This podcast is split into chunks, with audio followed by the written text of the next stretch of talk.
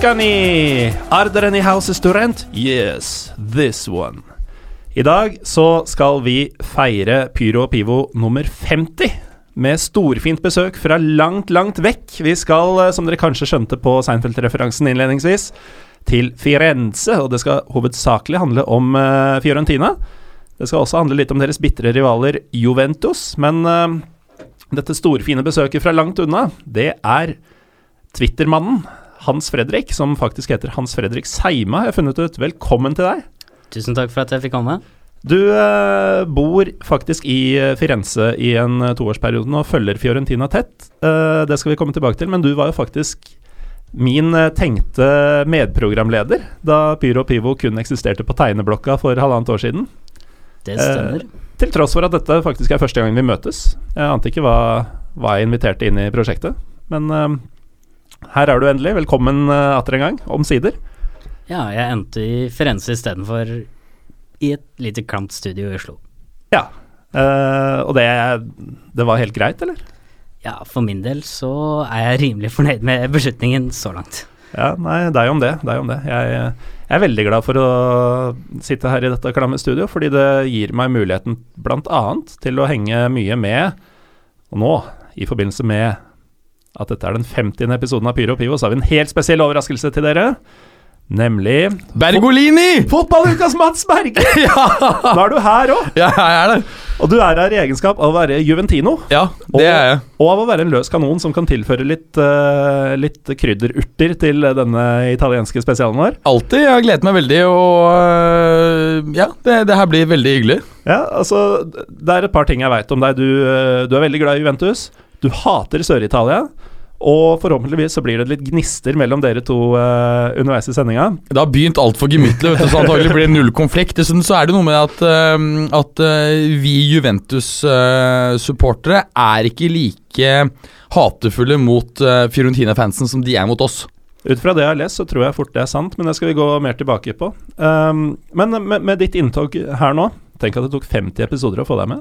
Ja, Vi snakket jo om det tidligere, men da eh, fikk vi det dessverre ikke til. Nei, det kokte bort. Så vi håper at eh, det skjer eh, igjen uten at det må gå nye 50 episoder.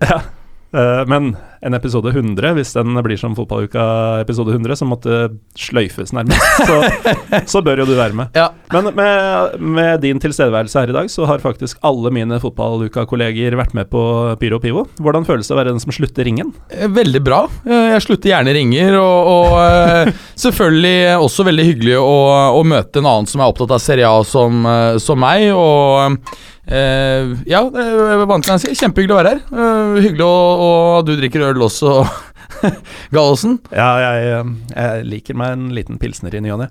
Uh, Hans, du dro jo, som vi ja. var inne på, til Firenze for å studere. Det stemmer. var du Viola-fan før det? Nei, i utgangspunktet ikke. Jeg fulgte Serie A veldig tett i, på 00-tallet. Og har egentlig alltid interessert meg for italiensk fotball. Så jeg dro ned uten å ha noe særlig favorittlag. Men det første som slo meg, var at jeg må komme meg på stadion så fort som mulig. Og på stadion så likte jeg meg veldig godt, spesielt i kurvaen. Atmosfæren er fin, folkene er veldig uh, hva skal jeg si, omsorgsfulle. De uh, hva kan, du, hva, hva, kan, du, fortelle lytterne hva du mener om, om Korvan? Uh, Korvan i Firenze er noe spesiell i italiensk forstand. Ok, først kan jeg beskrive hva en kurva er. Det er, det er lurt. Det er kortsiden eh, på en stadion, men den er da bøyd. Eh, altså kurven eller ja, svingen? Ja, riktig. Uh, og der sitter som regel i uh, italienske klubber så sitter den mest hardbarka kjernefansen der. Sitter, sitter de? Ja, sitter. Ja, ultras, ultrasene. Ja, riktig. Og uh, i Firenze så er ultrasmiljøet er ikke så sterkt som det har vært tidligere, men det er fortsatt til stede. Du har et par ultrasgrupperinger der. Uh, Hva er grunnen til at ikke det er like heavy som tidligere? Det er uh, mye pga. satsingen fra klubben. Uh, at folk rett og slett er lei av null trofeer, ikke noe særlig å skrive hjem om. En sjetteplass her, en femteplass der, åttendeplass. Det er altså Litt sånn Brann og Liverpool-mentalitet der. Jeg skulle akkurat til å nevne at eh, fiorentinere, altså florentinere Jeg vil sammenligne de veldig mye med bergensere i Norge. Fordi de er sære i italiensk forstand. De, de har en egen type humor. De har et eget lynne. Som, og, og så er de ekstremt stolte. Det er et veldig stolt folkeslag. Men går det uh, Sorry at jeg avbryter deg, men uh, går det kun på byen eller på selve regionen? Ja, det er veldig Fordi eh, de hater jo sine naboer. De hater jo For eksempel alle. Siena, for eksempel, hater Siena, jo som pesten. Pisa, eh, Ja. alt, alt rundt hater de. Eh, så nei, de er kun stolte av byen sin. Ja. Men det, det, akkurat den biten der kom vel at dette var gamle selvstendige bystater som nettopp pga. den geografiske nærheten har hatt en rekke store slag i historien. Riktig. Og eh, av eh, da det var eh, handel mellom byene, at f.eks. Eh, Pisa nektet å handle med Firenze eh, etc., og da ble det ja, gnisninger mellom de to. Så det hatet, det lever ja, det, Nå er det mest på kødd, men eh, det lever egentlig fortsatt. Sist jeg var på Balkan, som eh, i hvert fall geografisk er i nærheten, og litt lynnemessig også, så um, havna jeg i en litt uh, ubehagelig situasjon der jeg brøt noen uh, sosiale normer som jeg ikke var klar over. Uh, og i kjølvannet av det, dagen etter, så var det jo da en kompis av meg, um, Trym Hogner, som lytterne kjenner, som fortalte meg at det hadde ikke blitt tatt spesielt nådig opp hos no et par stykker i følge, da, som lurte på hva slags karakter denne høye slasken var. Og da var slagordet som, som Trym brukte angående mentaliteten der, var at eh, For det jeg hadde gjort, hadde vært å forlate gruppa rett og slett og gå og snakke med noen andre i baren og sånn, eh, som jo er ganske naturlig for oss. Det eh, gjør man ikke. Hæ? Så Trym eh, sa rett og slett at når du er i, i Serbia, som var tilfellet her Stick to your group and hate your neighbors. Og, og, Kødder du og, med? og det er litt sånn eh, Ja, det i, litt. I I, lys av den nyere historien på, i gamle Jugoslavia, så, så er jo det spot on. Og det høres litt ut som uh, det, det Ja. fins også i Ja, eh, ja, ja, altså, jeg, jeg har jo vært på byen med Trym uh, blant annet i, i South Carolina. Vi eide jo tidligere en fotballklubb i Myrtle Beach. Og uh, la meg si det sånn, der trenger du ikke å, å, å være redd for å gå bort til andre og snakke. I sørstatene så er det veldig innafor. Men det var en liten digresjon, beklager. Ja, og det, det var jo ikke de som jeg gikk bort og snakka med, de hadde ikke noe problem med det. Men, oh, men de som hadde gått fra Ah, ok, så, du, du er, så det er ikke noe problem? Det er ikke sånn at det, det oppstår bråk med de du snakker med? Nei, nei. nei. Så det, du Men kan jeg- få juling av egne kompiser? jeg ble up- upopulær blant de vi satt med. og det var da fordi jeg hadde da si forlatt uh, to, Firenze-bordet og tatt en tur bort til uh, Siena, Ja. som man jo tror er det samme, men eh, åpenbart ikke. Selv om stadion heter det samme. I Siena og Firenze. Kødder du? Artemio Franki? Ja, begge dere heter det samme. Hvem var Artemio Franki? Han var en legende eh, fotballspiller. I begge klubber, eller? Eh, det vet jeg faktisk ikke, men jeg går ut fra det. Men uh, apropos uh, anekdoter og, og um, hva skal vi si, humør og alkoholsalg og det som er her. Du var på Fiorentina Paok annet. Du har jo sesongkort, uh, Hans. Eh, ja, det har jeg. Det ligger dessverre hjemme i leiligheten i Firenze. Men eh, hvis ikke så skal jeg vise det fram. Ja, nei, vi tror deg, vi, altså. Ja, greit. Men uh, du uh, nevnte så smått uh, Jeg vet ikke hva historien går ut på, men du var på Fiorentina mot Paok. Uh, det var vel da du var ganske nyinnflytta? ja, det var i november i fjor. Eh, Altså nå november? Eh, Nei, Nei, ikke sant? i 2016. Der har vi det. Uh, I en Europa League-kamp mellom uh, Fiorentina og Paok. Å, Europa League. Ja, det vet jeg at denne podden setter veldig stor pris på. Noe jeg også gjør.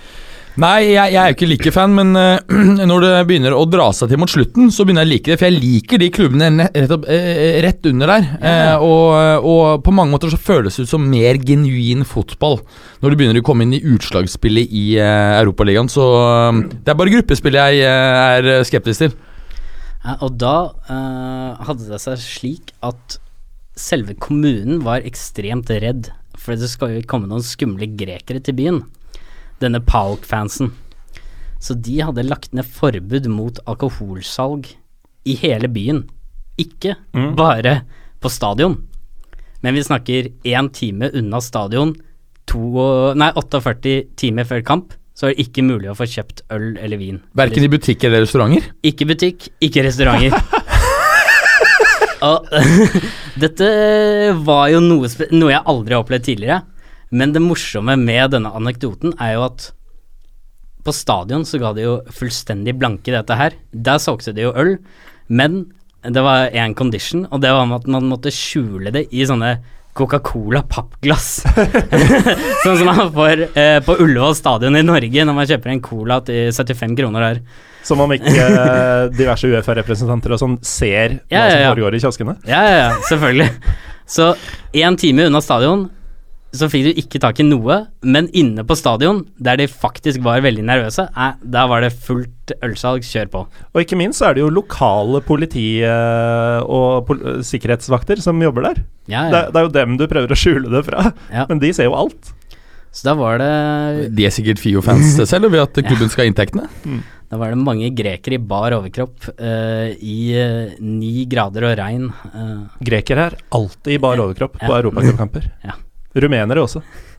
Um, Det er hardt, altså. Men uh, dette ja, Siden vi er inne på florentinere og denne ekstreme tilknytninga til byen og antagelig da også klubben Um, hvordan, er, hvordan oppleves eh, Firenze by på, på kampdag, eh, Hans? For, som- for det er omtrent det eneste byen i Italia som ikke f.eks. har en Juventus-supporterklubb, eh, så vidt jeg har skjønt. Ja, uh, det tror jeg neppe Napoli har også. Eh, jeg leste i Tutto Sport, jeg tror det er ti dager, to uker siden, at eh, de tre byene i eh, Italia som hater Juventus mest, der kommer Napoli på førsteplass. Så er det Firenze, så er det Bologna. Mm. Eh, Jøss, så Bologna er før eh, Roma? ja, tydeligvis. Yes. Ifølge Juve-bladet Tutto Sport. Ja. Eller Gobbo-sport, som det kalles i Firenze. Vi kommer nok tilbake til hva Gobbo er senere. Det har til og med jeg eh, fått med meg. Ja. Men uh, det, er jo, det er jo en enklubbsby Det stemmer. i all hovedsak. Og det er en veldig regional klubb, uh, fordi den har mer eller mindre ingen support utenfor Toskana. Sånn som f.eks. Milano-klubbene eller eh, Juventus har. Eh, jeg studerer som sagt eh, i Firenze, og jeg har en professor som har skrevet flere bøker om Fiorentina, og hun sa at over 80% av klubbens fanbase er regional. Og det er både positivt og negativt. Det er negativt i den forstand at de klarer ikke ekspandere til nye markeder, sånn som Kina, India, eh, USA, sånn som alle storklubber nå lager jeg hermetegn her, prøver å gjøre i dag. Men det er også positivt, for de klarer å bevare den ekte eh, fiorentinske autentisiteten som flere av disse hva skal jeg si, eh, storklubbene på sett og vis mangler nå Mm. til dags.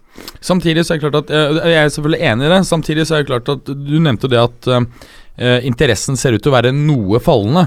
Og det er klart at eh, det at man ikke greier å ekspandere eh, mer globalt, gjør jo at det er vanskelig å se for seg en ny periode hvor du har en uh, Manuel Rui Costa hengende bak en Batigol ikke sant, som bare hamrer inn. Det er kanskje noe av det mest sexy jeg har sett noen gang, liksom de to herjer sammen for uh, Fiorentina. De kom vel helt til semifinalen i Champions, var det ikke det? Ja, Mener de slo Leeds i en helt sånn eh, eh, legendarisk batalje for en eh, nærmer seg 20 år siden. Tenk på lyttere som er eh, si eh, 17-18 år, eh, hvis de eh, hører på noe sånt som dette her, da. Ja, da burde du helst Og- bare søke for, for dem å se for seg en eh, kvartfinale i Champions League mellom Leeds og Fiorentina, ja. det er jo absurd. Eh, og hvor de var sånn superhotte. Litt sånn PSG-style, litt nye eh, on the block. Ja, ja, det er jo helt vilt. Og det som er artig, er det at eh, i Fiorentina så snakker man alltid om gamle dager. Ja, de, de ser ikke fremover. Det er bare ja, da, da Batigol var hos oss, det var helt fantastisk. Og Nuno Gomez hadde og ah, skulle ønske eh, vi var der nå. Men det, var det, er noe, liksom, det er ikke noe fremtidsutsikter å snakke om. Og det har litt med eierne å gjøre nå. Som eh, Jeg kan egentlig Ja, det pense over Kan vi jo gjøre. Ja, for det, er- det er disse Dele Valle-brødrene fortsatt, er det ikke? Det stemmer. Eh, det er Andrea og Diego Dele Valle som eier mer eller mindre alt av klubben. Diego var vel i praksis med å stifte det som er klubben i dag. Ja, Eh, 2002. Florentia Viola, vel, som oppsto eh, på restene av eh, klubben som gikk til grunne. Det var etter at uh, Cheki Gori hadde kjørt klubben i dass uh, grunnet uh, litt for høye lønninger, noe som ja, er et problem, eller var et problem, i, i uh, Italia i lang tid. Og det som er et problem i dag, er VAR. Men det skal vi også komme tilbake til. Ja. Uh, så da ble klubben stifta på ny i 2002 av brødrene De La Valle. Uh, de har gjort seg ekstremt rike på eh, merket Todds. Todds sko, altså lær, lærsko og lærvesker. Uh, er italiensk, altså. Ja, ja. Mm. Så det er, det er fashion eh, som de har gjort seg ekstremt uh, rike på. Og de har jo Og mye av disse produktene, så vidt jeg har skjønt, de Valle-brødrene, de produseres i Sør-Italia, er stemmer ikke det? Eh, jo, jo. Fordi det, det, er, det, er, jo en case, ikke sant, at uh, Italia er det eneste stedet som kan, uh, i Europa som kan lage håndsydde ting til en decent pris, fordi lønningene, for, og løn, lønningene versus kompetanse er lavest basically i verden i Sør-Italia. For du har superkompetente folk som ja. tjener shit. Mm. Og det, ikke sant, så at Du kunne dratt til Marokko, så ville tjent det samme, men der kan du ingenting. Eller i hvert fall ikke det. og, det så, er, og det er, det er spesielt. artig at du nevner, for det er mye, eller ikke mye, men det er noe av kritikken eh, på Della Valle-brødrene. Fordi toskansk lær, eh, og spesielt florentinsk sånn lærbutikker og sånn, er jo eh, top of the line i verden. Og mange mener at de bare har kjøpt Fiorentina for å kunne assosiere seg med eh, Firenze. Florentinere For de er ikke fra Toskana i det hele tatt, de er fra mm. Marquet, en annen region. Hvor da? Hvor er det? Det ligger litt sørover. Ja. Um, og da er det sånn å forstå at de bare har kjøpt uh, Fiorentina for å kunne assosiere seg med det flotte uh, toskanske læret. Mm. Uh, og det var per perfect timing selvfølgelig av de konk, for da var det bare å plukke opp bitene og begynne å sette det sammen igjen. Ja, men dette er bare liksom ikke konspirasjonsteorier, men det er, ja, det er nok facts. Og ondsinnet uh, litt sånn hat mot de. Ja, og jeg skjønner jo at fansen er Men kan jeg stille ja. et spørsmål? Uh, fordi jeg husker jo da klubben først forsvant, og så kom de tilbake som Florencia Viola. Det stemmer. Uh, og jeg husker jeg irriterte meg så voldsomt over det navnet, at liksom Fiorentina Det var før jeg liksom Hadde det skjedd i dag, så hadde jeg kanskje likt at det het det, fordi at jeg visste at det plaget Fiorentina-fansen. Ja. Men da var jeg jo irritert over det. Hva, hvordan greide de Fordi Først husker jeg at det var snakk om at de ikke kunne kalle den fordi navnet var eh, dødt og var ikke mulig, men så greide de å snu dette rundt og få tilbake det gamle navnet. Vet du noe som skjedde der, egentlig? Ja, det, eh, det, var en eller annen sånn eh, budrunde eller et eller annet sånt. At de, de, de måtte kjøpe det. Ja, så var det en sånn konkurskarantene, da. Og så ja. etter det så ble det, ble det, bare up for sale, ikke sant. Og så måtte de ta og, og vinne en budrunde. Ja, det var et eller annet sånt. Mm. Um. Men uh, det er jo altså mulig at de har uh, skodd seg godt, uh, bokstavelig talt, del av alle gutta på dette her, men samtidig Jeg syns det høres rart ut om ikke folket er takknemlige overfor dem også, for de har jo plukka opp gravstein, holdt jeg på å si, og, og gitt dem fotballklubben tilbake. Ja, men der kommer du igjen over på eh, fiorentinernes mentalitet, som eh, ligner litt på Liverpool og Brann-fansen i Norge. At de mener jo at de skal være og kjempe om skudettoen hvert år og ha fast plass i Champions League. Sånn at de mener jo at ja, dette er jo ikke bra nok. Um, det er jo en egen sang i uh, Korvan som, som, de synger mer eller mindre hver kamp, som går på at ja, Della Valle de har uh, skaffet oss null trofeer, og uh, Della Valle må ut. Jeg mener, Hvis du tar de 20 årene Eller så, ta på 90-tallet, altså hvor mange trofeer vant Fiorentina da? Det var jo ikke helt vilt av det, men de var selvfølgelig med å kjempet om det. Ja. Men vant de faktisk noe særlig? De har vel én skudetto. Nei, jo, de har én skudetto, mener jeg. Det er lenge siden, det. Ja. Uh, så det Og så kan det stemme at de også vant et uh, veldig lite europeisk trofé, en, en, turnering som ikke fins lenger nå. Denne Er det den anglo... Ja, den tror jeg har vunnet, men også den er der, cup, altså. men også den der, den der Inter-Toto-cupen. Ja, Tror jeg også kanskje de muligens uh, har vunnet, og kanskje noe Coppa Italia eller noe sånt, men det, er, det har jo ikke vært Altså, Nei, det, det, det er jo det det, at de var, på en måte var med. Det er jo noe En ting Ja. er liksom få fjerde eller Nei, de har jo ikke fått fjerde, eller, men femte, sjette, sjuendeplasser. Ikke sant? Det er noe helt annet å komme en gang iblant liksom med et voldsomt drøm til semifinale i Champions League, ikke sant. Den type eh, prestasjoner. Det, man er jo langt unna det i dag. Mens du fabla nå, Mats, så har jeg faktisk søkt opp hva Fiorentina har vunnet, og de har bl.a. cupvinnercupen eh, Ja. fra 1961. Ja. Eh, de har tapt eh, De har tapt faktisk serievinnercupfinalen i 57. Mm. Eh, da var jo ikke det Champions League, men, eh, men de var jo da helt oppe i europatoppen. ja. De har også tapt Uefa-cupfinalen i 1990. og Mot har, eh, nettopp eh, hvem? eh, det var vel mot Juve, det. Helt riktig. det stemmer. Ja.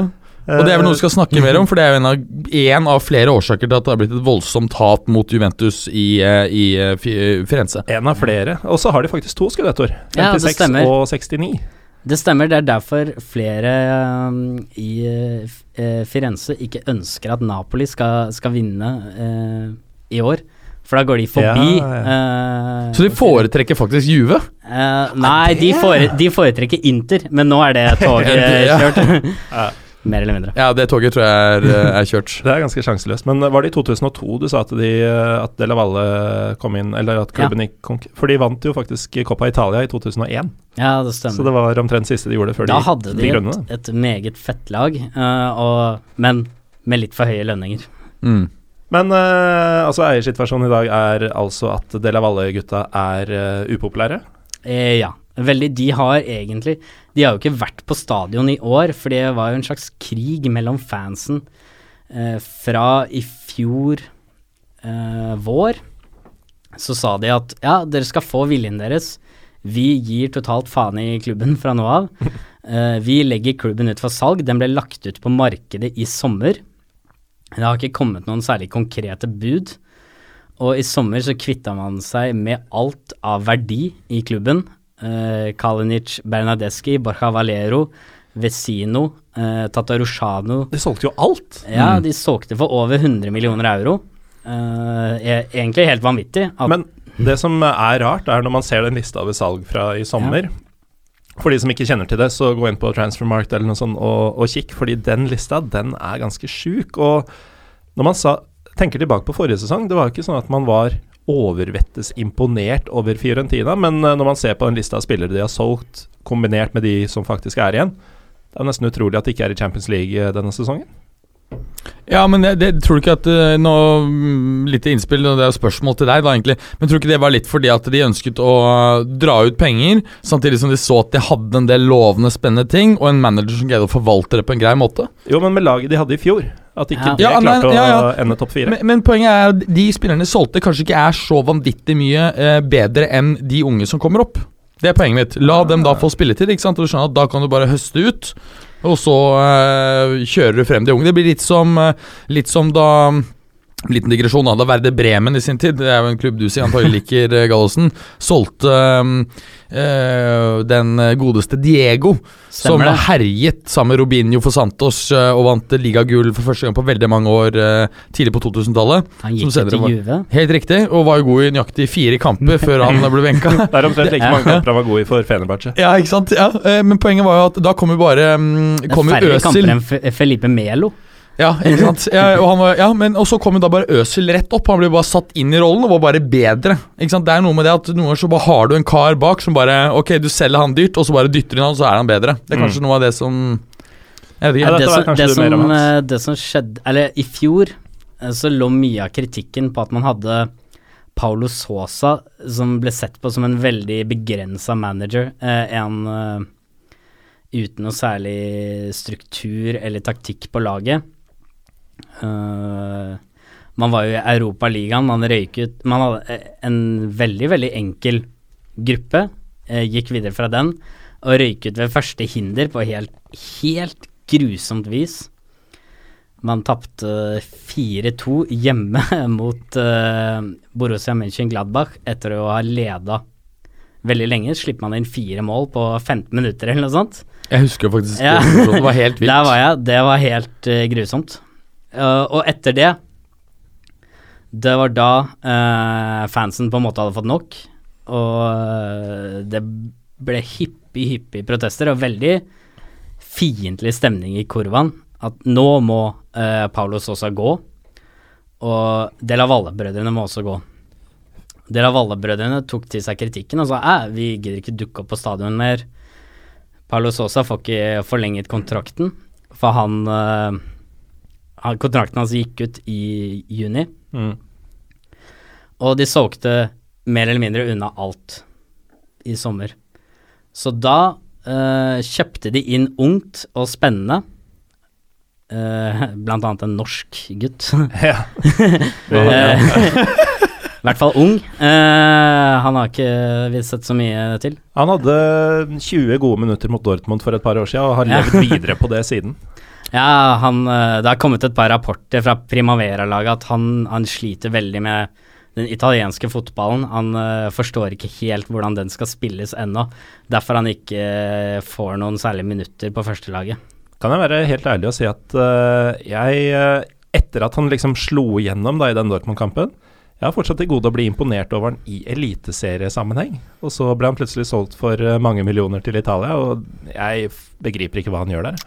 Vi snakker da om eh, Rafik Seknini, Ja, Berger. ja, ja jeg, jeg også vet det. Ja, ja, jeg vet jo at Signini gikk til eh, Jeg hadde faktisk eh, Altså Han fikk jo såpass mye medieattention i Norge at jeg faktisk visste hvem han var da han Mm. kun spilte i Eliteserien. Det, sier- det sier vel litt om hvor hypa han egentlig Ja, var. min, min påstand ja. er at han, han fikk langt mer um, tid i Eller plass i pressen enn en talentet Og det sier jo litt om hvor sultefòret uh, vi er her i landet på tekniske offensive spillere. Ja.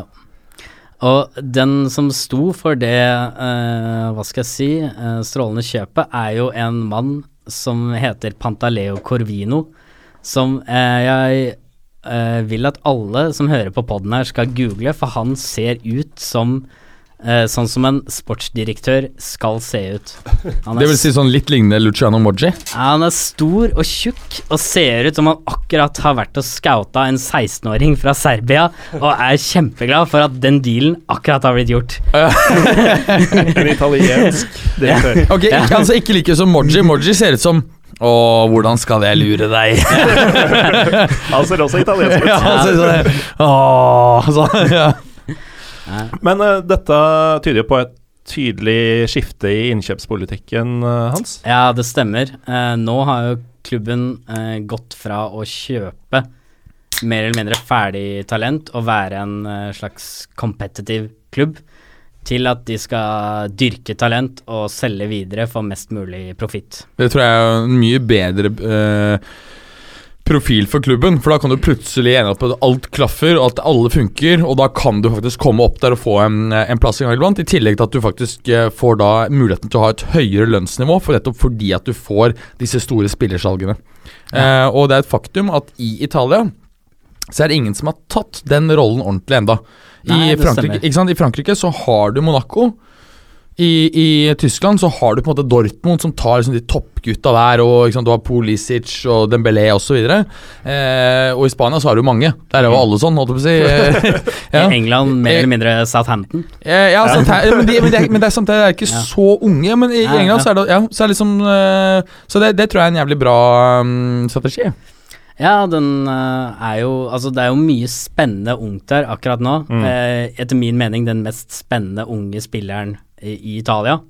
Spiller i Fiorentina nå, Federico Chiesa. Ganske mange som er enig med deg der. Ja. Mm. Uh, og jeg så en liste, en sånn rapport av verdsetting av spillere som kom ut for to dager siden. Mm. At han er den uh, En av de uh, Han er bak um, F.eks. Insigne, da, men en av de mest uh, verdsatte italienske spillerne. Og uh, kommer til å koste rundt 65-70 millioner euro Mm. Nå. nå det er Jeg- minst med tanke på at uh, van Dijk gikk for, for 85. Ja, Pepper har du fått for, uh, for hetsen der. Du, jeg har faktisk blitt kontaktet av venner som hører på den podkasten som heter Fotballuka, som har blitt sinte, og jeg føler at jeg var ganske balansert. Vi sa det var høyt med å ha gode kvaliteter. Når jeg har tenkt på det uh, i ettertid, så tenker jeg jo at Hvor syk er du ikke hvis du ikke kjøper Kalido Kolibali? For han ville du fått for den summen! Ja. er... Han er, han er så insane mye bedre på alt, bortsett fra kanskje det ene som han van Dijk er bedre på, det er lederegenskaper. Kan vi kjøre litt reklame? For de som likte engasjementet og innsikten som dere akkurat hørte, så kommer fotballuka også ut i dag. Eh, For vi spiller jo inn eh, etterpå med fotballuka også, Berger. Ja. Så eh, Men en annen, apropos Firentina, beklager at jeg Nei, sorry. Ja, nei, ja. faktisk, det er bare Dette er episode 50. Ikke siden episode to har jeg opplevd at en gjest har tatt uh, så mye plass og, og tatt en så stor del av min rolle og stilt den andre gjesten spørsmål. Ja, men jeg, jeg, jeg er jo, det er, Han lever jo i dette landet som jeg burde blitt født i. Jeg er jo, er jo, er jo er en feil, ikke sant? Jeg Bortsett fra at jeg ville da øh, ønsket å bli født oppe i fjellene i nord. øh, og Åstadalen, kanskje, eller noe sånt. I, ja, mm. Ja, Det er jo altså en, en autonom region som ligger på grensen mellom uh, ja, Frankrike. til Frankrike. Helt Ja, riktig. Og grunnen til at det er, er autonome og har veldige skattefordeler, det er fordi jeg har alltid vært jævlig redd for at de skal bryte ut og bli en del av Frankrike. Ja. Eh, så øh, det er en annen story. Det er fantastisk, det. altså Ja, nå- Beste nå- nå- skistedene, det har gått Alt er fint. Nå sklir det ut her, altså. Eh, Men, Beklager, eh, men hva med han eh, Simione, sønnen til eh, eh, Sønnen til Diego. Det er Diego, jo det store ja. sønnelaget, dette her. Ja, Ja. ja, ja. Fordi den, eh, er jo sønnen til Enrico Kiesa. Det stemmer. Uh, Mannen som jeg hadde faktisk plakat av på veggen da jeg var liten, så det var artig. Eh, men eh, Og så hadde vi inntil tidligere i år eh, Tidligere i dag, faktisk. beklager det. Tidligere i dag så signerte Janis Haji, sønnen til Georgia Haji, tilbake til Vitorul Constanta, klubben til faren. Så han var visst veldig sur på Fiorentina og syntes at det var et veldig mislykket opphold, for han fikk ikke spille noe, han var generelt sett veldig sur. Så han ville tilbake til Romania, da. Ja, det forstår jeg. Men var han noe talentfull? Jeg syns han var Han levde mye på farens navn, for å si det sånn. Og det har vært frykten min eh, tidligere med eh, kanskje spesielt Chiesa. Fordi jeg også digga Enrico noe helt vanvittig. Som uh, gammel United-fan så har jeg ikke vært så glad i Diego Simione. uh, så, men uh, Giovanni har jo på en måte han, han har jo vist seg som en god spiller i seg selv, og en helt annen spillertype enn faren sin. Men med Federico så har jeg liksom ønska at han skulle slå til, og så var jeg ikke helt solgt forrige sesong. Men nå, altså. Du, jeg, jeg beklager, jeg greide ikke å oppfatte den uh, greia at fordi du likte United, så skulle du ikke like Diego Simone. Uh, han fikk Beckham utvist i 98 VM. Ah, shit, selvfølgelig! Selvfølgelig, Husker husker du så godt nå. Ja, ja, Den der beinet som går opp, ja, nettopp, når han ligger ja. Og så gikk det ikke Jo, det gikk vel eh, noe over et halvt år før eh, United trakk Inter, og Simione kom til Old Trafford. Det var fett. Ah, kult. Men uansett, Eh, ja, Chiesa hva, Hva kan vi si? Han har tatt enorme steg denne sesongen. det har han. Uh, selv om ut... Altså Han mangler noen defensive kvaliteter til å være en komplett spiller. Han, er, han tar noen feil valg offensivt, men generelt sett så er han veldig på vei til å bli en verdensklassespiller. Mm. Men for at han skal bli verdt ja, 100 millioner istedenfor 70, så må han bli bedre defensivt. Uh, Hvilke posisjoner er det han eh, kan spille? Er det én, eller er det flere? Ja, Han kan spille flere, uh, men uh, i Fiorentina nå De har lagt om til 4-3-3 eh, midt i sesongen i år, og da spiller han wing eh, På høyre. eh, på venstre. Mm. Er han høyrebent, eller? Han er høyrebent ja. Mm, så han kommer og skjærer inn og skyter, Ja, ikke sant? ja, ja. Mm, mm. Men han spiller flere Han, spil han har også spilt venstre wing også. Så han Ja. kan spille Han Ja, for, Han kan bekle flere offensive posisjoner. Uh, da, jeg så det mot Inter nå Ja. sist, var det vel? Eller uh, for et par uker siden, så, så syns jeg han alltid var ute på høyresida. Ja, det, det, han og Tereo, som er en gammel traver, mm. si, de bytter ofte posisjoner i løpet av kampen, Uh, mens Simione er eh, i midten, da. Mm, Ja. mm. Og treffes av eh, Biragi. Ja, og Simone er jo da spiss, ikke sant? Veldig Ja, ja. ung spiss. Er han 20-21? Uh, han er litt eldre enn det, tror jeg. Uh, så han er 23 eller noe Ja, sånt. sånt. Er han Ja. så gammel? ja? Ja, for han skårte jo nå Det skal jo jeg og, og Morten uh, snakke mer om i, i neste podkast. for han skårte jo i, i det 90. minutt nå mot, eh, mot Inter. Eh, ja, jeg ble i hvert fall veldig glad da. Men eh, nå vil jeg at dere skal gjette hvem som er den best betalte spilleren i Fiorentina. Klarer dere den? Uh, Fordi i, i Italia så uh, slipper de jo uh, alle lønningene hvert år. til ja. 90 spillere. Så det er mer eller mindre offentlig informasjon. Det er sånn klassisk Når du har store mafiaproblemer, så kommer sånn transparenspolitikk. Ja. Blir satt inn overalt for å få alt frem. Det er for så greit, det. øh, men um, I Fiorentina så er det Vent da, Jeg har akkurat rota fram eh, troppen, så jeg har lyst til å gjette før du sier det. Men um, jeg tipper da faktisk uh, Det er ikke lett, dette her, altså. Det er liksom ingen som Det, det ligger jo til rette for et overraskende svar her, Ja, eh, siden du spør. Og jeg tipper da det blir, siden han er en etablert spiller, at det blir Milan Badel. det er El Huma Babakar. Ja. Som er den uh, spilleren i Fiorentina som tjener mest per nå. jøss. Jeg ville også faktisk valgt Milan Badel hvis jeg hadde hatt uh, lista. mm. Og han er jo ikke engang en fast starter, Babakar. Hvor mye tjener han da? Han tjener 1,1 millioner euro. uh, i år. Hva er det i ukelønn, da? For det er liksom sånn Nei, nei, nei, gal. Å ja, ja, det er ikke 10 millioner, vil det bli si 200 000 per uke? Ja, det vil det gjøre. Eh, så det vil si at eh, der kan du trekke fra 25% så han er på eh, 160 000 i uka, da. Norske. Ja. Det er Rekord. ja. Vært aksjemelder i mange år, vet du. Da må du regne fort i hodet. Sånn halvveis riktig. Så det, det vi kaller for en uh, mekleranalyse. Men uh, nå snakker vi jo litt om framtida til Fiorentina her, og før vi går videre til det virkelig juicy, som er uh, hatet mellom dere to gutta, uh, i hvert fall deres klubber, så er det jo Altså, framover, de har De har en usikker eiersituasjon akkurat nå. De har et ungt, spennende lag på gang, som um, Mange var jo redd for at det skulle gå ordentlig gærent denne sesongen, men de hevder seg noenlunde. Ja, det Og- går vel mer eller mindre sånn som man hadde forventa. At man skulle ligge ca. midt på tabellen og rote rundt der. Eh, men eh, det er vel også Men, man- så, det, så det var ikke noe frykt, på tross av de store spillesalgene, eh, i forhold til at man kunne ha mm, rotet seg inn i en, en nedrykkskamp? Altså. Man var så confident eh, også på fansiden etter salgene. Ja, fordi når du ser hva som ligger nedi der, Hellas Verona, Crotone og Benevento. Benevento, Så lenge Crotone og Benevento Ja. finnes, så er det Ja, Så- det er jo så er sjansen 1 av Ja. 16 eller noe sånt for å Ja. klare seg. Men eh, Eller for å rykke ned. Men uh, det er vel uh, gode, gamle Artemio Franki. Er vel ikke sikkert at det forblir hjemmebanen så veldig mye lenger. Nei, det er jo uh, mer Altså, det er mer eller mindre bestemt at eh, man skal skifte til en ny stadion som skal begynne å bygges i 2019. Og som da eies av klubben selv, ikke sant? Riktig. Mm. Og eh, hvorvidt det Altså Det kommer jo en del an på eiersituasjonen, for det krever jo en del millioner.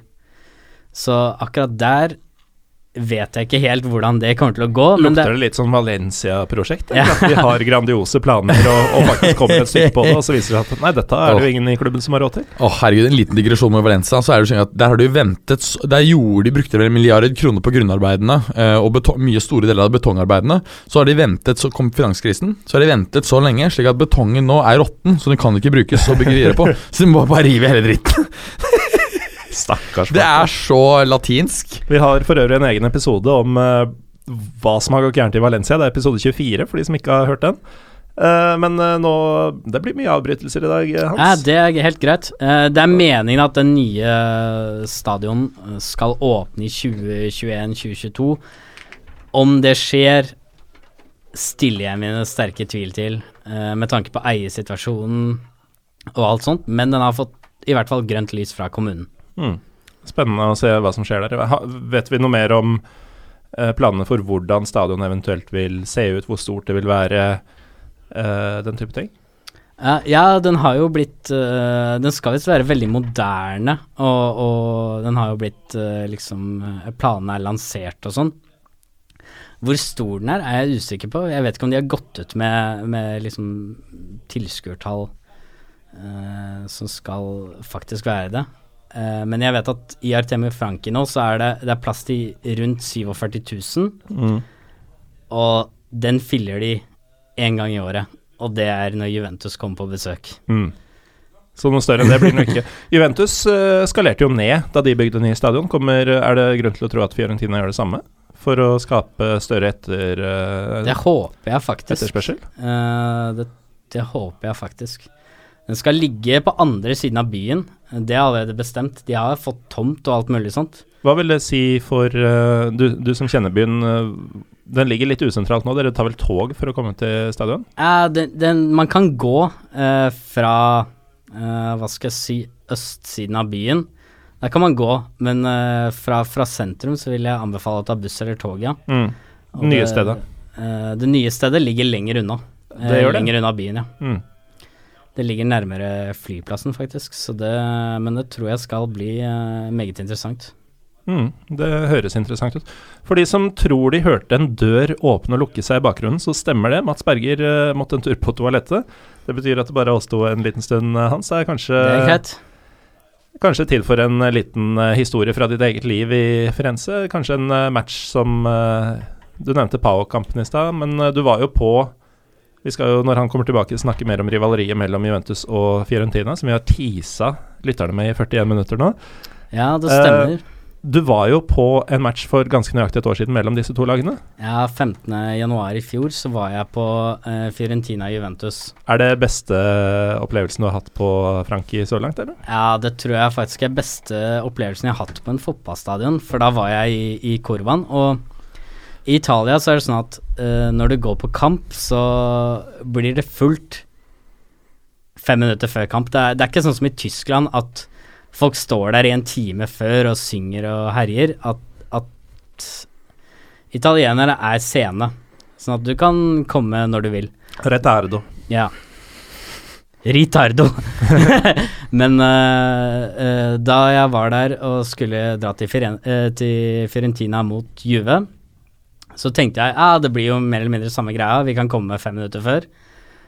Da var kurven helt full, og da var det sånn at jeg måtte snakke meg inn, eh, for de ville ikke slippe meg inn. Selv om du hadde øh, Ja, ja. sesongkort? Ja, ja. Selv om jeg hadde billett og sesongkort og alt mulig. De sa Mm. bare nei, nei, det er fullt. Da fikk jeg lov til å stå i trappa, for det var ikke Men har ikke du da en egen plass som er din? Italia så gir de jo faen. Eh, det, er jo ikke, Det er, det er for lenge siden jeg har vært på match i Italia. det er ikke noe, det er ikke noe plass-seating. det er bare du kan gå inn denne inngangen her. Men uh, ja, i, i hvert fall. Eh, så endte det jo veldig bra for Fiorentina. De vant 2-1 etter skåringer av Kalinic og Badel. Det er vanskelig for uh, lyttere som eventuelt har begynt å følge serien denne sesongen, å se Ja. for seg Nikola Kalinic skåre mål. Eh, ja, Men det har skjedd. Og det, det som nevnte eh, sportsdirektør eh, Pantaleo Corvino sikkert gråter seg i søvn av hver eneste kveld, er jo at på denne eh, tiden av året i fjor så kom en kinesisk klubb eh, med mm. et bud på eh, 45 millioner euro på Kalinic. Han og liksom frua hans sa nei. Nei, vi vil ikke dra. Og det var på tross av at han fikk et helt psycho lønnstilbud òg. Ja, ja, det var 12 millioner i året eller noe sånt. Ja, ja. Eh, Det var helt vilt. Og, men eh, Og klubben var jo De var jo helt gira. Altså, de, de pakka jo kofferten hans, de. Ja, de Sa opp leiligheten og bare 'Han er klar!' han Sendte noen italienske goons med på i leiligheten hans så han begynte å pakke. Uh, Men han sa nei, uh, og Corvino gråter sikkert hver eneste kveld pga. det. Og de måtte ta til takke med 25 uh, fra Milan. Og du ser jo nå hvordan det har utvikla seg med han i Milan nå. Det har jo ikke gått så bra. Nei, det er vel eh, ikke nødvendigvis han som er problemet, men eh, han ser jo veldig ut som Nei, det, det, det, er, jo- ikke bare han som presterte godt i fjor som uh, gjør det dårlig. Altså Bonucci ser jo ut som antagelig jeg eller Gallosen ville gjort. han, Eh, det er sånn, det er, han har, um, Mange stiller seg spørsmål om han, han noensinne har vært god defensivt, men nå kan han jo ikke bra offensivt heller. Altså Alt er bare ødelagt, mannen er nedbrutt. ja, han ser jo ut som tidenes beste salg nå. Ja, fuck, Nei! Du har fortsatt en van Dijk. Ja, det er Ja. Men eh, da, nå er du jo tydeligvis tilbake, Mats, fra, fra det fornødne som eh, måtte gjøres. Og vi skal jo nå inn på dette deilige aspektet som er hatet mellom Fiorentina og ditt Juventus. Ja, og det er klart at vi kan jo begynne her og liksom recappe, fordi eh, Fiorentina ble jo dannet var det omtrent på tidlig på 1920-tallet ved at var, man fusjonerte to klubber, jeg husker ikke navnet på dem. Uh, og, og det første offisielle, altså kompetitive møtet mellom Juve og Fiorentina var i 1928. Er det 11-0-matchen? Uh, 11-0, ja. og det er klart at det er jo ikke det som danner grunnlaget for, um, for um, rivaleriet. Uh, blant annet hadde man 28 år senere, 1953, et, åtte- 8-0-seier mot Fiorentina. Og Um, ikke noe av dette er på en måte i sakens kjerne, men det er Nei. utrolig kult at det har blitt som det har blitt, og man har den forhistorien. I hvert fall for, eh, for oss Juventus-fans er det. Det var jo først i, i eh, 1981 og 1981-82-sesongen hvor, hvor dette begynte å tilta, var det ikke det?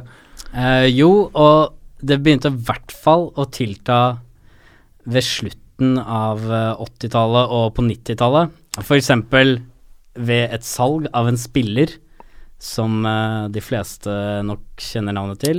Men uh, hva med, altså vi må nevne først uh, 81-82-sesongen, for da var jo Fiorentina og Juve den sesongen de beste gjennom sesongen.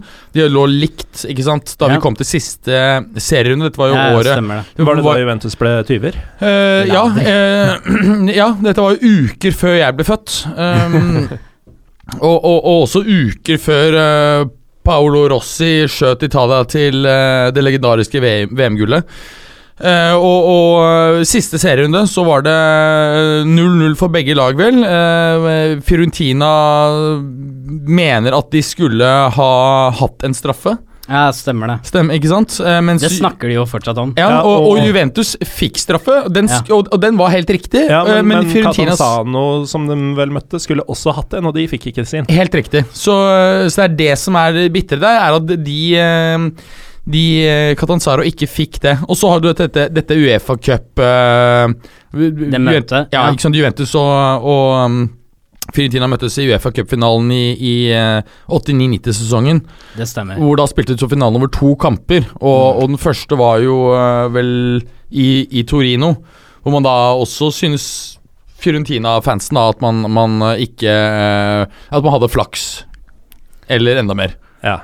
Og så går det jo videre til eh, salg av eh, diverse nøkkelspillere. Det Ja, det, var, det var bare uker etter dette forsmedelige Uefa Cup-tapet. Så gikk eh, det, den som, han som på, på engelsk heter The Divine Ponytail. Divin Codino. Ja, altså Roberto Baggio er jo den vi, vi selvsagt snakker om. Yes. Og han hadde jo en ålreit karriere etter det også, men han er eh, fortsatt høyt respektert og elsket i eh, Firenze, selv om han dro til erkerivalen. Så Bernadeschi kan uh, fort bli elsket uh, i, fre Det i som, fremtiden, det han som òg. var artig, Fortsetter å levere som han gjør i Juventus, så blir han jo elska i Firenze for alltid. Nei, det er ikke riktig i det hele tatt. ja, forrige kamp så var han jo Nei, men også okay. se på Det tok jeg faktisk opp uh, sist. Ser du på antall spilte minutter? Han er helt psyko-effektiv. Antall, hvis du ser antall mål er sist i forhold til de få minuttene på, husk på at Dette er Allegri. Dette var en kar som kjørte Dybala inn, så skårte han to mål. Nei, får ikke spille på fem kamper. Altså, dette, dette er en rar måte å operere på. Så, øh, men, men kan ikke Det du si hva var- du syns om Bernadeschi? Hva føler du hans måte, maksnivå er? Hvor god føler du han egentlig kan bli eller er? Det som var artig uh, i sommer, da det salget ble uh, komplett, da det ble gjort, så uh, intervjua en eller annen radiostasjon i Firenze intervjua faren til Federico Bernadeschi angående uh, dette, denne transferen. Og da sa han at ja, eh, mio figlio come Robbie Baggio. Så det var allerede Han hadde satt tonen at sønnen hans, ja, han er som Roberto Baggio. Eh, Når var det, så du? Det var Allerede i- Det var i sommer. det var i sommer. Før han gikk til Juve? Nei, det var under, tran under transferen. Okay, Altså ja. fordi Men Men det var er Bernadeschi fra uh, Firenze? Han er fra uh, Carrera, som er Det er i Toskana. Uh, så han har Men eh, Firenze er hans liksom første eh, profesjonelle klubb. Ja, og det var der han spilte Ja. ungdoms... Altså sånn Primavera-fotball òg, eller? Eh, det, det mener jeg, ja. Mm, mm.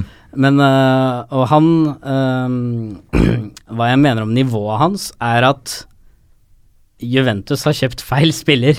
Fordi Federico Chiesa mener jeg har mye høyere makspotensial enn Bernardeschi.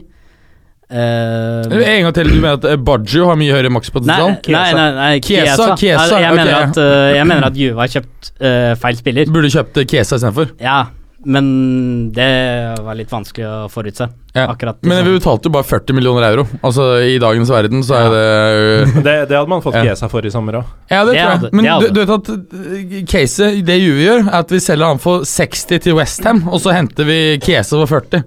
Så er det Ikke, uansett ikke nå lenger. Nå koster Chiesa langt mer. Ja, Men Det det mulig, men det det, det, det vi egentlig snakker om, var jo ja. Baggio. Og da den overgangen fant sted, og dette skjedde ikke med Bernadeschi, det er jeg ganske sikker på, så ble det jo opptøyer rundt uh, Artemio Franki. Det var vel eh, ja, det stemmer. Det var 50 skadde og ni arrestasjoner. og, og dette var jo ikke da klubbene skulle møtes, dette var bare mens salget foregikk. Eller Ja, ja, ja. rett etter at Ja, det, det jeg har hørt om det de dagene da det skjedde, var at det var såpass anspent stemning i byen at det var liksom sånn at man, man turte nesten ikke å gå ut for flere av de, de gamlingene. Jeg spurte faktisk naboene mine i Firenze om dette her, og de er sånn eldre fiorentinere på eh, 70-80 år. Og så spurte jeg «Ah, hva, hva var greia med det Roberto Baggio-greiene, og da sa de at da, da dro vi ikke ut av huset fordi det var en, en farlig situasjon i byen, sa de. Så det- ja, tydeligvis. Og det mm. Jeg bor ikke så veldig nære stadion heller, så det var litt spesielt. Men du bor heller ikke i det fineste nabolaget av Firenze, så du Ja, det Bor du du, men du bor i sentrum, så, ja, jeg bor 400 meter fra togstasjonen, Ja, ikke sant. eh, så midt i sentrum, mer eller mindre. Altså de, jeg, har ikke, jeg har faktisk ikke vært, har ikke vært i Firenze, men jeg har jo vært mye i Torino. Og liksom de, jeg ans, vil tippe at du har noe av den samme greia. De her herlige boulevardene, arkadene, herlige kafeene. Og bare livet er bare en annen greie enn det vi har her. Torino har jeg også vært i, som en av svært få byer i Italia, men jeg innbiller Og den er vakker. Ja, nydelig. Men uh, Nydelig. Firenze innbiller jeg meg er ganske mange nivåer over. igjen. Jeg vil også tro det. Uh, jeg å se for seg pleier å kalle Firenze for et slags sånn Disneyland, for det er jo en slags det er jo Disneyland for folk over 50 som er interessert i kultur. litt sånn Altså, som Praha. ja, unger, unger reiser jo til Disneyland, mens uh, kulturkjerringer og sånn, de reiser til Firenze. Så det er jo Kulturkjerringer. uh, Så det er jo en meget spesiell by. For det er jo ikke lov til å gjøre så mye endringer Du har jo ikke lov til å gjøre noen endringer på fasader og, og sånne ting, fordi hele byen er Unesco-vernet. Hele Centro Storico, eh, sentrum. Så du har ikke lov til å endre noe sånn sett. Så byen ser jo ut sånn som den alltid har gjort. Det jeg kunne tenke meg, var om man kunne gjort det samme med fotballklubber. Plassert eh, fotballklubber på Unesco-lista, og så hadde det ikke gått an å endre logoer, eh, eier, eh, eierskapsstruktur og, og den type ting. At eh, klubben, fotballklubben skal være sånn som den var for 70 og 100 år siden. Jeg er også litt enig. eh, at, um, at fotballklubber behandles som rene kommersielle bedrifter, det er det noe feil med. Men i hvert fall tilbake til dette rivaleriet. Så jeg trodde du skulle støtte meg der. Jo, jeg, jeg er selvfølgelig helt enig, og jeg er litt overraska over at det kommer fra deg, som er så glad i den moderne fotballen. Eh, Og jo, så glad i ja, men, kommersialisering og økonomi. eh, ja, ja, altså Ja, dette blir en lengre debatt, men jeg tror vi er inne på noe som jeg tror mange føler litt på, da.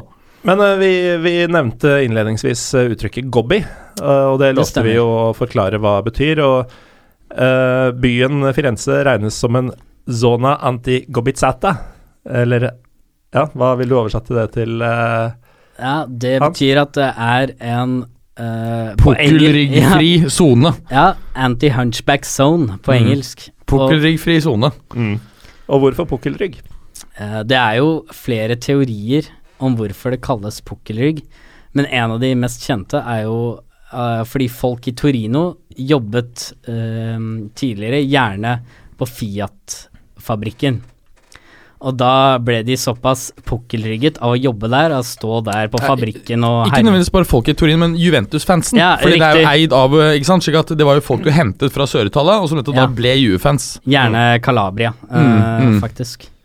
Uh, så de ble jo da pukkelrygget av å stå og jobbe på eh, fabrikken dagen lang, og derfor ble det et nedsettende uttrykk på Juve-fans. Mm. Men det er også et annet eh, element, og det er jo at eh, i Italia så mm, regner man uh, pukkelryggere som veldig heldige. De har flaks, merkelig nok. Man vil, Det jo, eh, man vil jo i Norge si det er helt omvendt. Hvorfor er de heldige?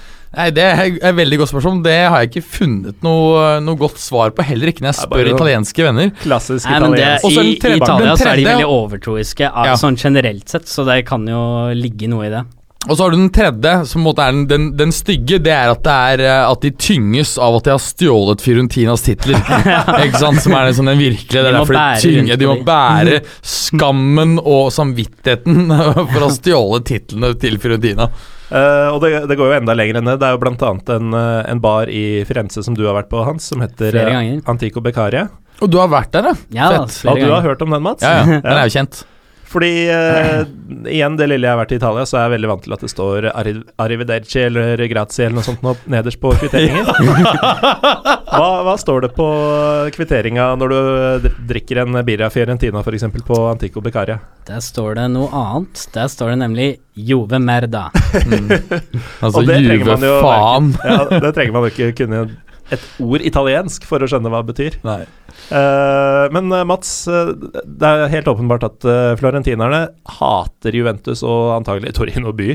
Uh, fordi Juventus er Jeg er usikker. Jeg tror ikke de hadde Torino by eller, eller Torino som klubb. Antagelig har de ganske godt Torino- forhold til Torino, som Torino-klubben klubb. har de Ja. ikke noe problem med. Nei. De har en uh, Gemellaggio med Torino-klubben, som er uh, Hva er Gemellaggio? et, eh, det er vennskapsklubb. Ja. Uh, så de uh, elsker Torino-klubben. Uh, så det er ganske Men det er vel spesielt. fordi det er en motpol til Juve. Ja, det Ja. er anti-Bianconero, altså Ja. anti-Juve. Mm. Uh, Ja, fordi det er veldig interessant, fordi jeg har jo vært en, ganske mye i Torino, og, og fordi faren min har, uh, har jobbet der mye. Og på en måte det, det er for eksempel Academic Establishment i, i Torino, det er, de, de er jo kun Torino-fans. Ja, det stemmer. Det, ikke sant? Opprinnelig så er det jo, var det jo um, kun businessfolk. Det var liksom de mer velstående som likte Juventus, og um, tilflyttende folk som ble sett ned på fra Sør-Italia, bl.a. Calabria, som du nevner, som nettopp liker Juve. Og uh, den gruppen som jeg akkurat nevnte, de så jo ned på begge. Ja, det uh, er litt artig angående det eh, med Calabria.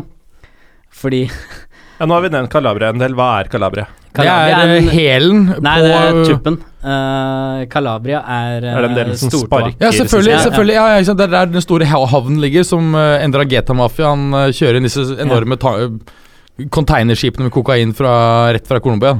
Angående Endrangeta-mafiaen, så er jo eh, Juventus Kurvan er jo sagt til å være mer eller mindre mafiastyrt. Ja, det, det, det du refererer til, er jo en situasjon hvor, uh, hvor en av ultrasgruppene eh, hadde blitt infiltrert av en rangeta, og hvor de hadde videresolgt billetter. Eh, ikke sant? Eh, men så vidt jeg har skjønt, så, så er det ordnet opp i nå. Eh, og det var ikke noen dyptgripende infiltrasjon, så vidt jeg har skjønt. Nei, eh, Andrea Agnelli ble jo dømt for det. Ja, men han ble vel Eh, senere Ja, han fikk en mildere straff. Ja. Men han skal visstnok ha visst om det, uten at det er helt sikkert, for det vet man ikke helt. Men det er jo sånn i Italia at med en gang du har en høy posisjon i et eller annet, så kommer mafiaen eh, bankende på døra. Når du er en innflytelsesrik person, sånn at, at Andrea Agnelli har i hvert fall støtt på mafiaen, er jo helt sikkert. Men om han har uh, Ja, det er ikke noen tvil om. gitt de billetter, eller hva han har gjort, det er det større tvil om. Men uh, Mats, uh, dette hatet stikker jo fryktelig dypt i Firenze, men du mener at det er ikke like ille andre veien? Du som Nei, er Juventus-fan? Ja, det er, det er for Juve og, og um, deres tifosi, så, så er jo møtene med Fiorentina selvsagt svært viktige. Eh, også fordi at hatet er så stort. Eh, fra. Fiorentinas side så setter man pris på nettopp det, at Mm. de lider. Eh, men, men, men hvis du ser bortover det, så er eh, disse oppgjørene viktige, men det er ikke definerende for sesongen. Det er ikke, ikke et byderby, som mot Torino, og det er heller ikke den samme statusen som derby i Italia, ikke sant, mot, eh, mot Inter. Så, um, så oppgjøret har sjelden de samme implikasjonene som, uh, som f.eks. derby di Italia eller et oppgjør mot, eh, mot Napoli uh, nå til dags. Det blir mer ren i mengden av store kamper, men ikke den største. Helt korrekt. Riktig, riktig. Men for Fiorentina så er jo det den største kampen i året. Mm. Ja. Og det er, eh, som jeg sa tidligere, den eneste gangen i året hvor Artemio Franki fylles. Men Mm. er det Yes. mm, Føler håper å si dere eh, noe mindreverdighetskomplekser her? Fordi det, det lukter jo litt det når vi hører hvor, hvor stort det er i Fiorentina, og hvor Ja, holdt på å si casual, man har, eh, casual forhold man har til det i, eh, i Torino. Ja, eh, det er jo det jeg mener at florentinere har et slags mindreverdighetskompleks i seg, også når det angår identitet og byen, for de snakker ofte om hvor viktig byen er. Uh, men du har jo Milano, som er liksom det økonomiske sentrumet, og så har du Roma, som er hovedstaden. Og så har du Torino, som er det industrielle sentrumet. Ja, og så har du Venezia, som liksom er en perle og alt det der. Så Firenze har jo da uh, liksom ah, Vi må bygge opp et image. Det blir, blir rundt renessansen. Mm. Uh, men det er jo i utgangspunktet kun en viktig by i det, i det historiske tidsaspektet der.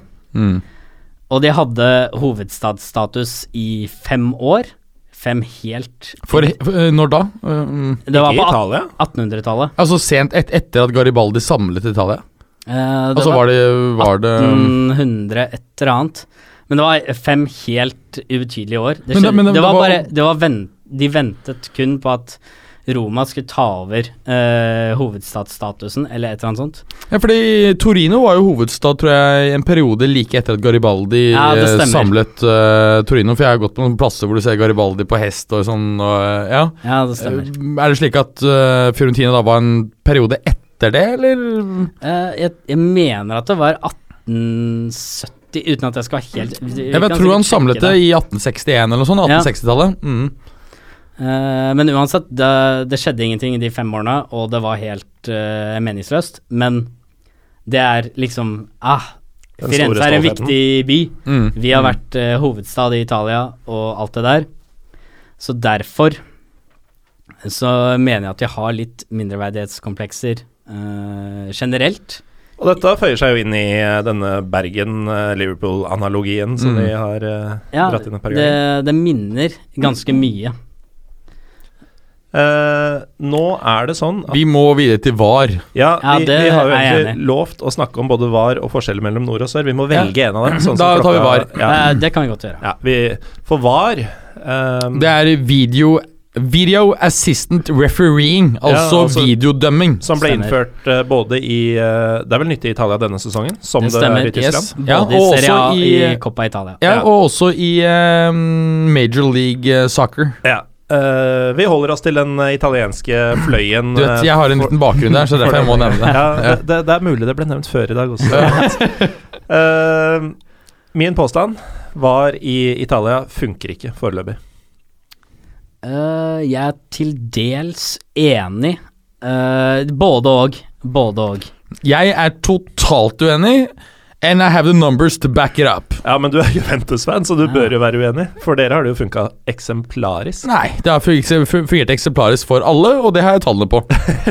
Fortell litt, Sunn. Eh, jeg antar at du har lest den artikkelen som kom ut på italiensk i dag, med at det har vært 900 saker og fem feil. Uh, nei, det har jeg ikke. Jeg, jeg, på tross av at jeg hadde italiensk på skolen, uh, så fikk jeg til slutt valget på slutten av det året. Jeg kunne velge mellom å stryke på karakter eller fravær. uh, valgte vel faktisk fravær, for det var så flaut å, å ryke på karakter, når jeg da liksom var en Italia-fan. Så, så da var det bedre å Jeg er ha så motivert! ja, da, da, da, Jeg får det ikke til! da er det på en måte bedre å bare rekke opp hånda og Ok, jeg var stoner i parken, jeg var ikke der. Ikke sant? Den stilen. Um, men uh, altså, mitt foreløpige inntrykk er at ja, dette fører til at kampene blir i snitt noe lenger. Eh, som følge av Hva? Nei, det gjør ikke noe. Eh, nei, det er ikke noe men det, det gjør de. Eh, det har vært flere tilfeller av både 7 og 8 minutters tilleggstid. Eh, de første par ligarundene så det jo helt eh, forferdelig ut. Eh, da føltes det ekstremt invaderende. Vi, vi så at spillerne eh, trodde jo åpenbart at dette ikke skulle brukes, bortsett fra det store hendelser, men så kjørtes det på alt hele tiden. Men dette har gått seg veldig bra inn. Eh, og hvis vi ser litt på, på Akkurat som jeg spådde, så vil dette kreve litt innføringstid. Det vi har sett, er at eh, med unntak av noen enkelthendelser som har skapt debatt, så er tallene klare. Avløsningene har blitt lengre, ja. men bare med 19 sekunder i snitt. Fra kampdag 1, hvor bedømmingstiden på VAR var i snitt 82 sekunder, så er den nå ned i 40 sekunder.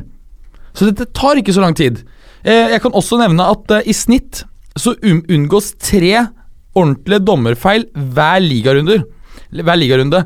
Antall gule og røde, røde kort er ned.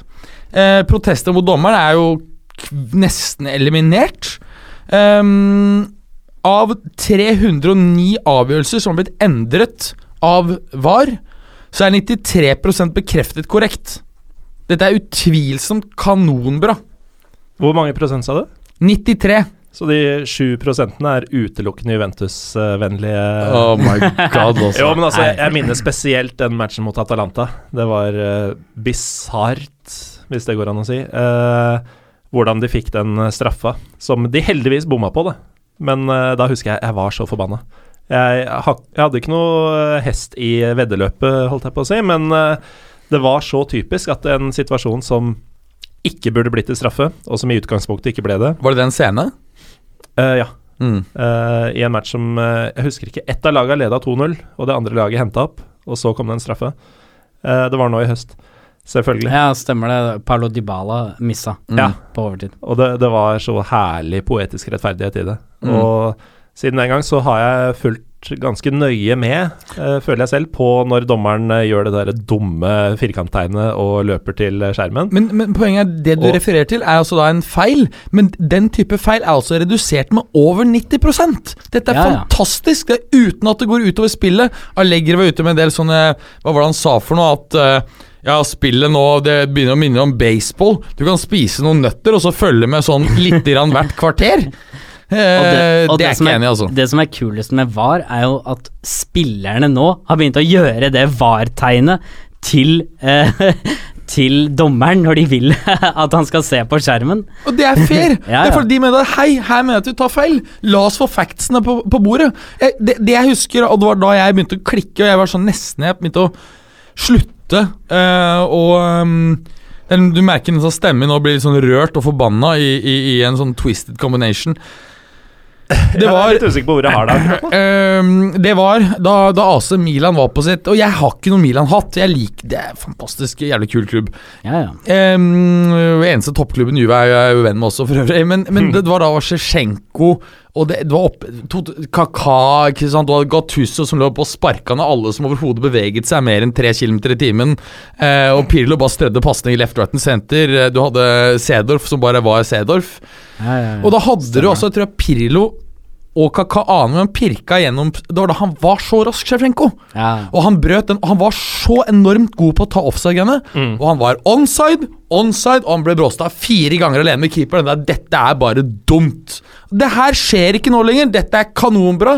Og fuck you, alle som mener at noe annet. fuck you, du tar feil.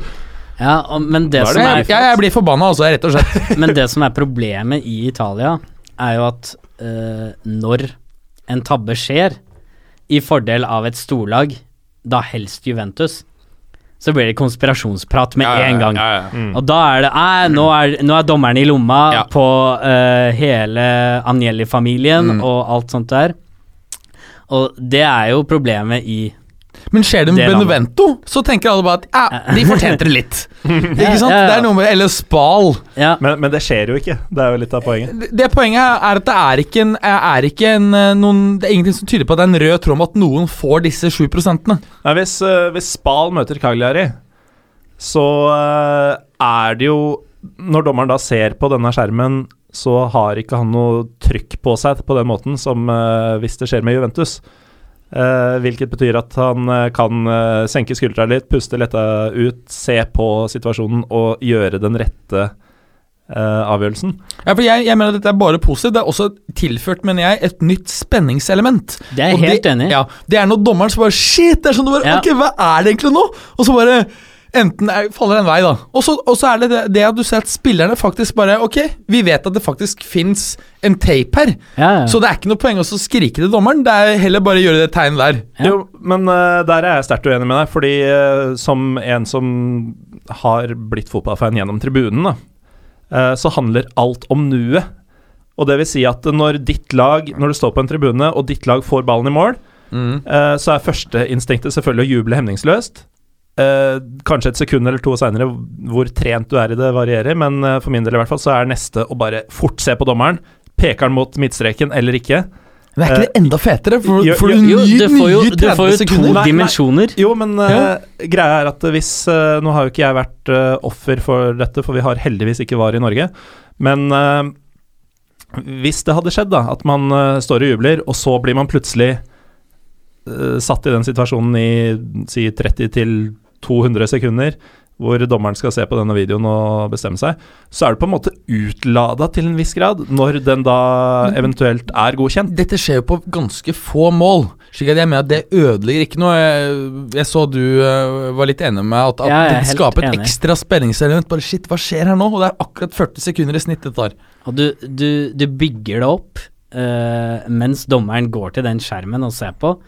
Og så, når han da eh, peker at ja, det ble mål, så blir det jo de samme jubelscenene igjen. Nei, det blir ikke det samme. Ja, det gjør mer eller mindre det. De blir enda større. Ja. Gallosen. Enda større. Ja, de blir mer intense og bare heftigere. Nei, det blir jo Og i hvert fall når det skjer i de 90 minutt, og det er avgjørende, og, og når du da ser at dommeren går bort til skjermen, sånn som skjedde med Roma her forleden, da Federico Fazio skårte. Ja. Mm. Det altså, Mot det var, Atalanta, ikke sant? Ja, Ja. Mm. det i var seg selv er jo grunn intense til å sjekke skjermen. Han har vært kjempegod for Roma. Ja, ja. Men eh, apropos Nei, det blir jo en, nei, en annen ja, podcast jeg, jeg, jeg tror nesten vi burde ha en egen VAR-episode, hvor vi får inn noe tysklandsfolk også. Uh, men for denne gang så må vi dessverre sette strek. Mm. Takk til uh, deg, Hans Fredrik Seime, for at du omsider ga stemme og fjes til uh, den eminente Twitter-profilen din, som er Mac Hansaren. Det For de, som, eh, for de som trenger noen å følge på Twitter. Du gjør jo det blant annet, Mats. Du er jo ganske lite aktiv. Uh, større sjanse for at jeg følger deg på Facebook, men jeg skal gjøre det. Tusen takk for at jeg fikk komme. Jo, dette har jeg venta lenge på. 50 episoder, for å være nøyaktig. Og du er vel i Norge en liten stund til? To-tre dager bare. Ja, så skal vi se hva vi får skvist inn der av en bonusepisode eventuelt. Uh, Mats Berger, du er jo mye mer tilgjengelig, men det tok jo 50 episoder for deg å komme inn. Takk Ja, men for at du kom. takk skal du ha for å få lov å komme. Veldig hyggelig å være her. Det har vært veldig hyggelig, og vi kunne holdt på i evigheter hadde det ikke vært for at den fæle fotballuka skal inn i studio straks. Det er riktig.